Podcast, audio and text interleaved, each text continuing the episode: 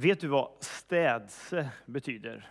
Eller har du någon aning om, om vad man gör när man spörjer?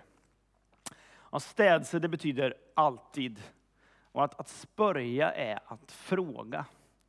Men det där är ord som vi kanske inte längre använder så mycket i svenskan, därför att tiden går, språket moderniseras och gamla ord liksom faller bort och ersätts ibland av nya.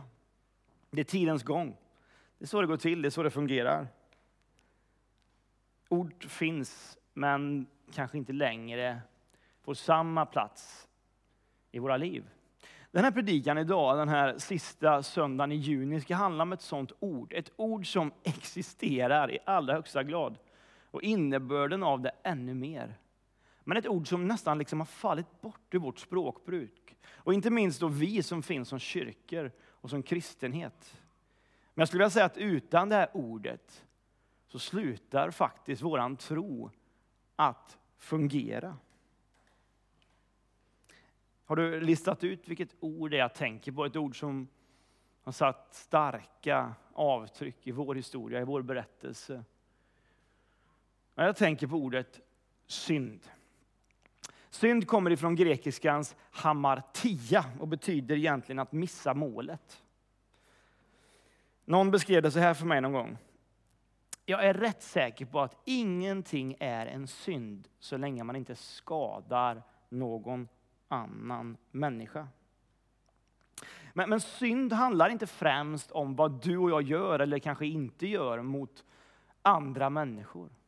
Utan synd är i huvudsak mellan mig, eller dig, och Gud. Det handlar om människans relation med honom. När våra tankar och våra handlingar går emot det som är Guds plan och Guds vilja, det är då vi syndar. Synd är att missa målet och då menar inte jag något sånt där mål du vet, som fladdrar i vinden ute på ett grönt fält. Liksom.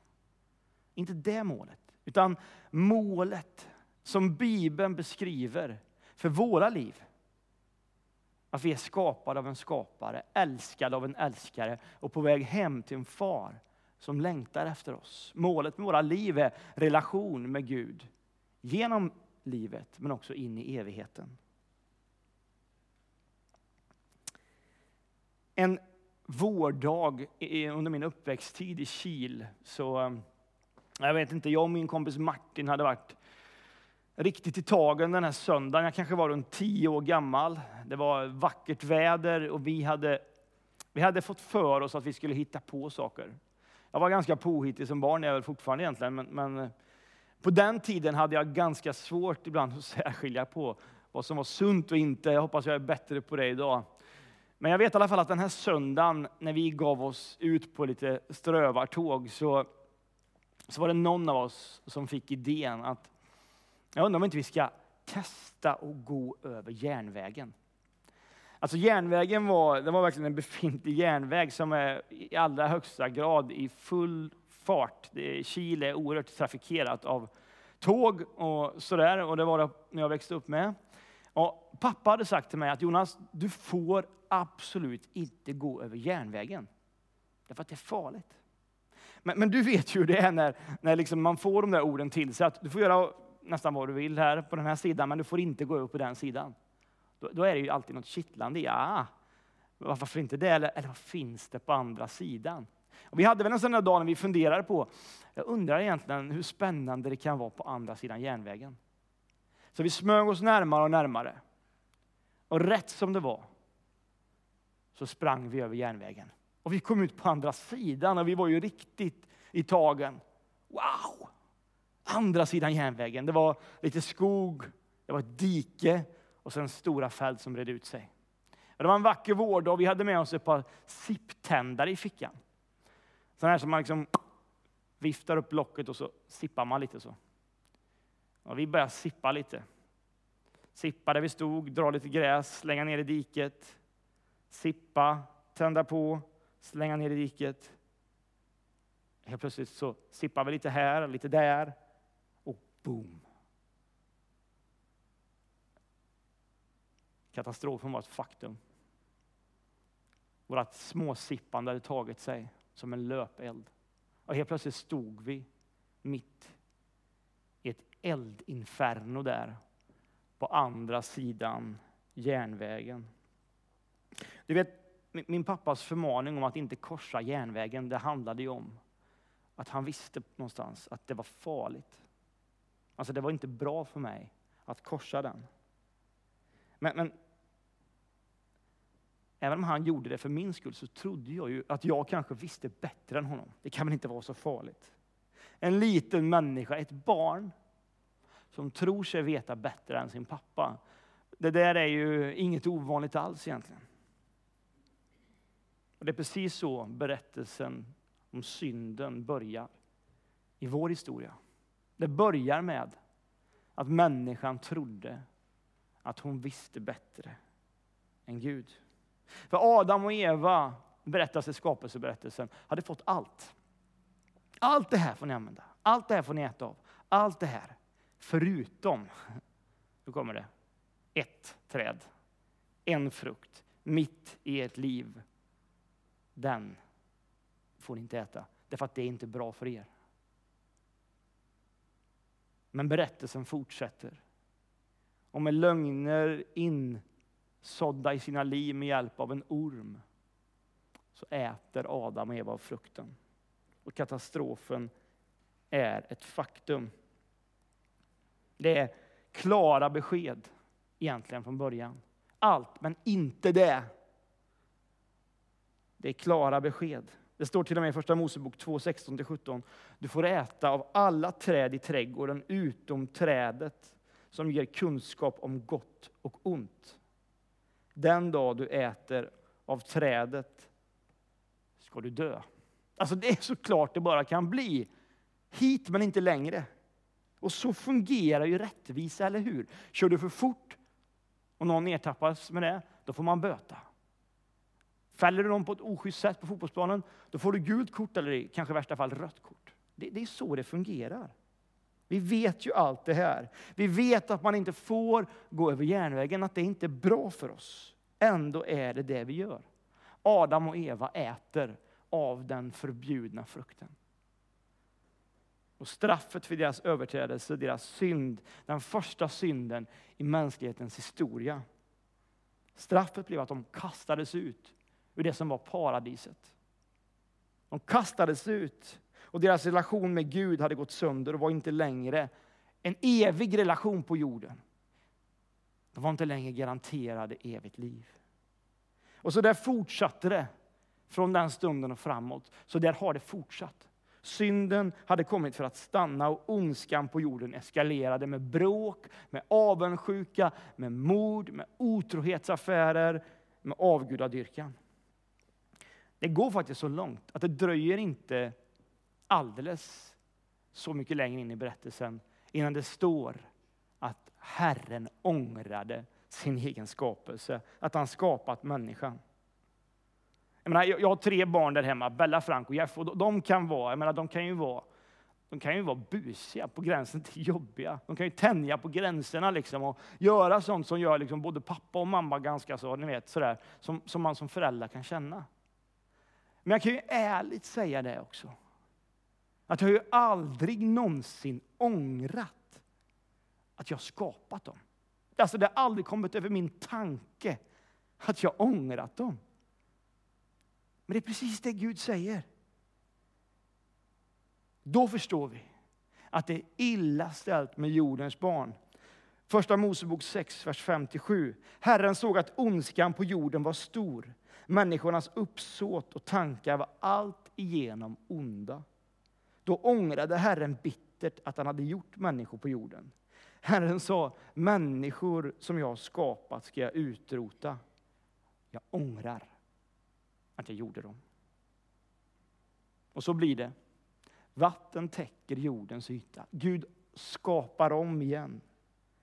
Allt som finns går under, allt utom en rättfärdig man, familj, berättelsen om Noa. Gud sparar Noa därför att Gud är inte beredd att ge upp projektet människa. Han längtar efter levande relation. Och Gud börjar igen Han sluter ett förbund, ett avtal mellan två parter. Först genom Noa, sen genom Abraham. Och så säger han, ni judar, ni ska vara mitt folk på jorden och jag, Javé, jag är, ska vara er Gud. Det är liksom så avtalet sluts. Och så är Gamla Testamentet del 1 i Bibeln. Historien om Guds utvalda folk. Och genom det här folket så skulle Herren visa alla folk på jorden vem han var, så att de, när de såg folket, lärde känna honom. Och på så sätt började söka sig till honom. Men hur gick det? Ja, folket lovade förstås. Man ingick ju den här dealen, men man svek sina löften. Man gick emot Guds vilja gång på gång. Man syndade. Men gång på gång visade också Gud folket sin nåd. Alltså nåd är ett oerhört vackert ord när det fylls med innehåll. Nåd betyder att få någonting helt utan att förtjäna det. Som att komma hem från skolan och få mammas nybakta bullar nästan varje dag. Eller, vi, vi leker med tanken nu rent hypotetiskt att min pappa någon gång sent i min uppväxttid hade köpt en bil för första gången ny. En bil som han hade sett fram emot och den här familjen hade sett fram emot länge. En klarblå Toyota Yaris. Vi bara leker med den tanken. Och så leker vi med den här tanken att i den här familjen finns det en, en, en son, en, en yngre son än den äldste, som heter Simon, som alltså bara rent hypotetiskt nu råkar i något sammanhang liksom repa hela lacken på den klarblå ny Toyota Yarisen. Rent hypotetiskt. Simon ångrar sig, går till pappa, ber om förlåtelse och får helt oförtjänt ta emot pappas nåd. Alltså, jag förlåter dig. Men hur det än är så är det ju alltid någon som måste betala priset för misstag som har begåtts. Pappa står för notan. Varför det? Varför gör han något sånt? Jo, därför att han älskar dyrt sin oförstående och oförståndige son. Och därför att han är rik på kärlek och nåd.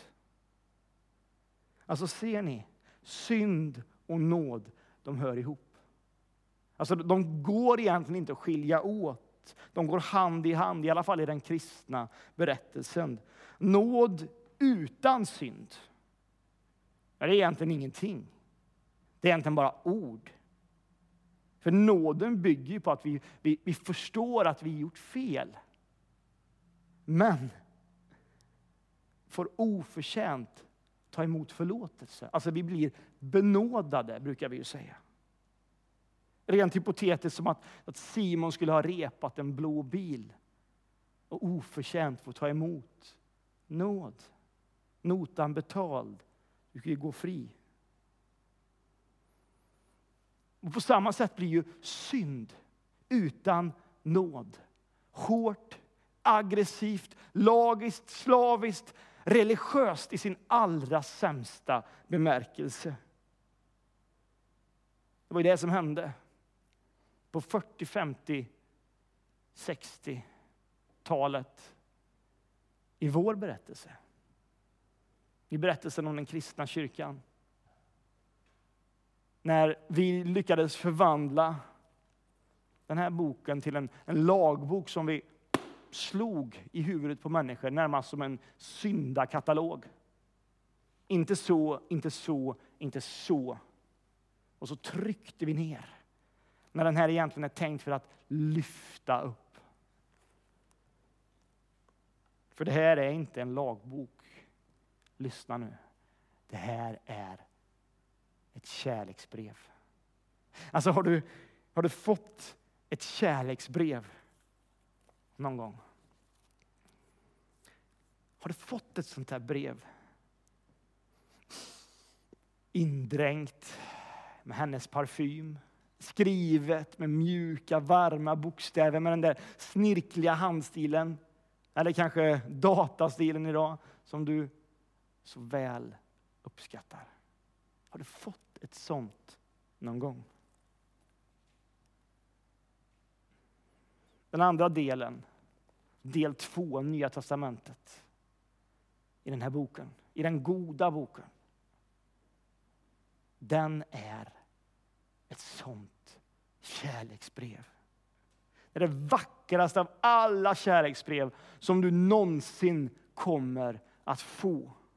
Det är ett brev som, som doftar allra godast, som smakar allra bäst, som innehåller det absolut mest essentiella du och jag behöver som människor. Det är så ömt, det är så varsamt, det är så genomtänkt, det är så genomdränkt av nåd. Av självuppoffrande kärlek som ett kärleksbrev någonsin kan vara. Det här är berättelsen om hur Gud sände sin son för att älska dig och mig in i himmelriket, för att upprätta den relation som hade gått sönder. Alltså han klädde sig i våra misstag för att vi skulle få klä oss i hans rättfärdighet. Det betyder att vara färdig i rätten. I hans, I hans oerhörda fullständighet får vi klä oss. Eller så här står det i Andra Korinthierbrevet 5, vers 21. Han som inte visste vad synd var. Honom gjorde Gud till ett med synden för vår skull. För att vi genom honom skulle bli ett med Guds rättfärdighet.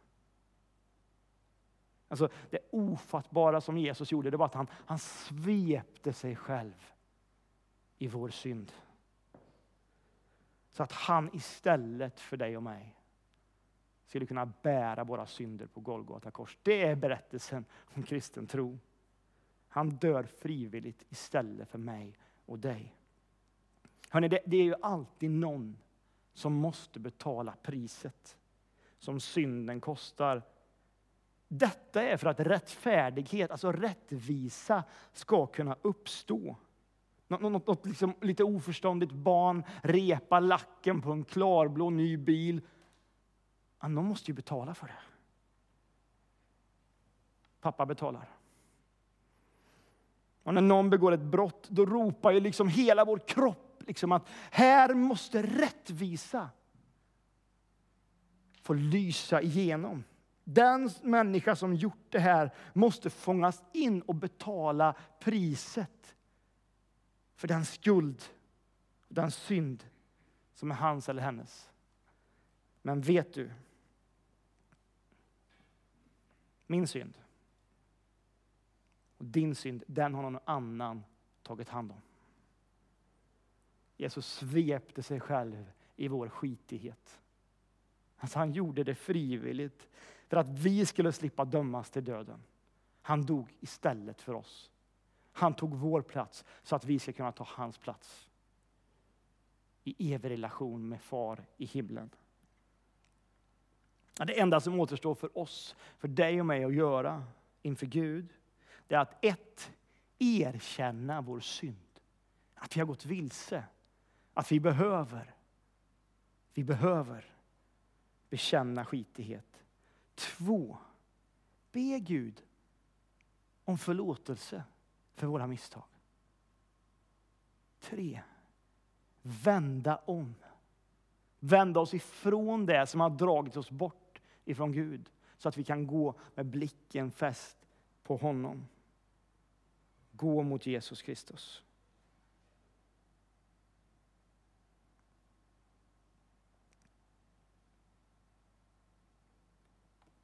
Avslutningsvis. Har, har, du någon gång undrat över hur fort en åker kan börja brinna i början av vårkanten i Värmland? En solig vårdag. Så, så kan jag berätta av egen erfarenhet att det, det går fort. Väldigt fort.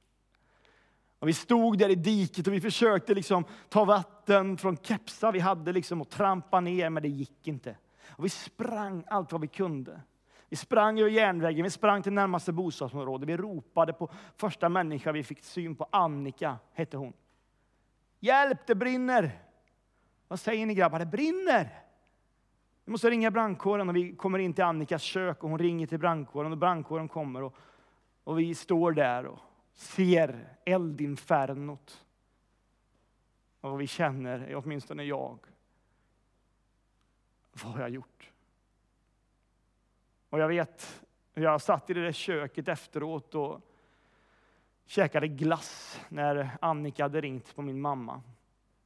Alltså jag, jag gillar inte glass. Jag vet inte om det var då jag slutade gilla glass, men jag vet i alla fall att jag, jag gillar inte glass. Och den glassen, den smakar inte gott. Jag kommer så väl ihåg hur mamma kommer liksom och sladdar in med våran blå folkvagn. Och jag, och jag minns hennes blick så väl när hon tittar på mig. Liksom. Den där blandningen av Jonas, vad har du gjort? Men också Jonas, jag älskar dig så mycket. Och den kvällen när jag satt där på sängkanten och pappa kom in, liksom, det bara brast för mig och jag fick erkänna, jag har gått över järnvägen. Och det förde med sig det här i mitt liv. Och när vi sen fick gå tillsammans, han följde med mig och jag fick gå och berätta och be om förlåtelse. Alltså när vi går över järnvägen i våra liv och börjar leka med elden, då går det ofta otäckt fort innan hela åkern börjar brinna. Det är som ett jordgubbsland, när man slutar rensa det, liksom så, ja, ni vet, då är plötsligt de där rovorna överallt. Man ser knappt det goda längre. Får jag bara fråga dig liksom, innan jag avslutar den här predikan. Har, har du gått över järnvägen? I ditt liv, just nu?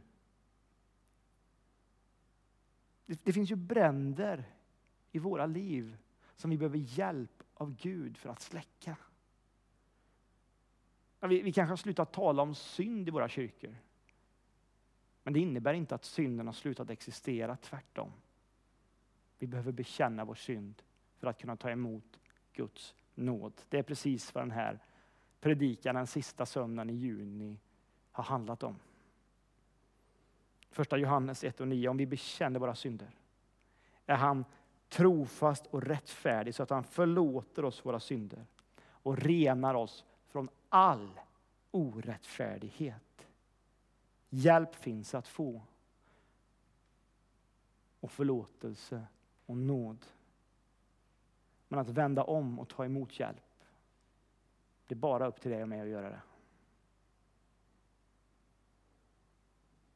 Jag ska be en bön om förlåtelse alldeles, alldeles strax. Är vi bara där du finns just nu och där jag är just nu, att vi bara tar en kort, kortis stund i tystnad inför Gud och funderar över vad behöver jag gå med? Finns det något i mitt liv?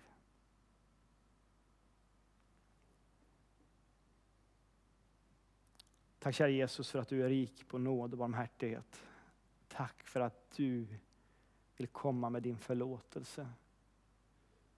Du ser varje människa som just nu där vi finns vet om att vi har korsat järnvägen, fast vi inte borde det. Fast det inte var bra för oss och vi kanske ångrar det. Tack att du vill komma med din förlåtelse, med din befrielse, med ditt förvandlade liv in i oss just nu. Tack för att du vill lösa den av oss som sitter fast. Tack för att du vill benåda och befria. Tack för att friheten finns bara i ditt namn Jesus. Låt oss få leva i den friheten, i din förlåtelse. I Jesu namn. Amen. Och till dig som har bett om förlåtelse kan jag säga att du är verkligen förlåten.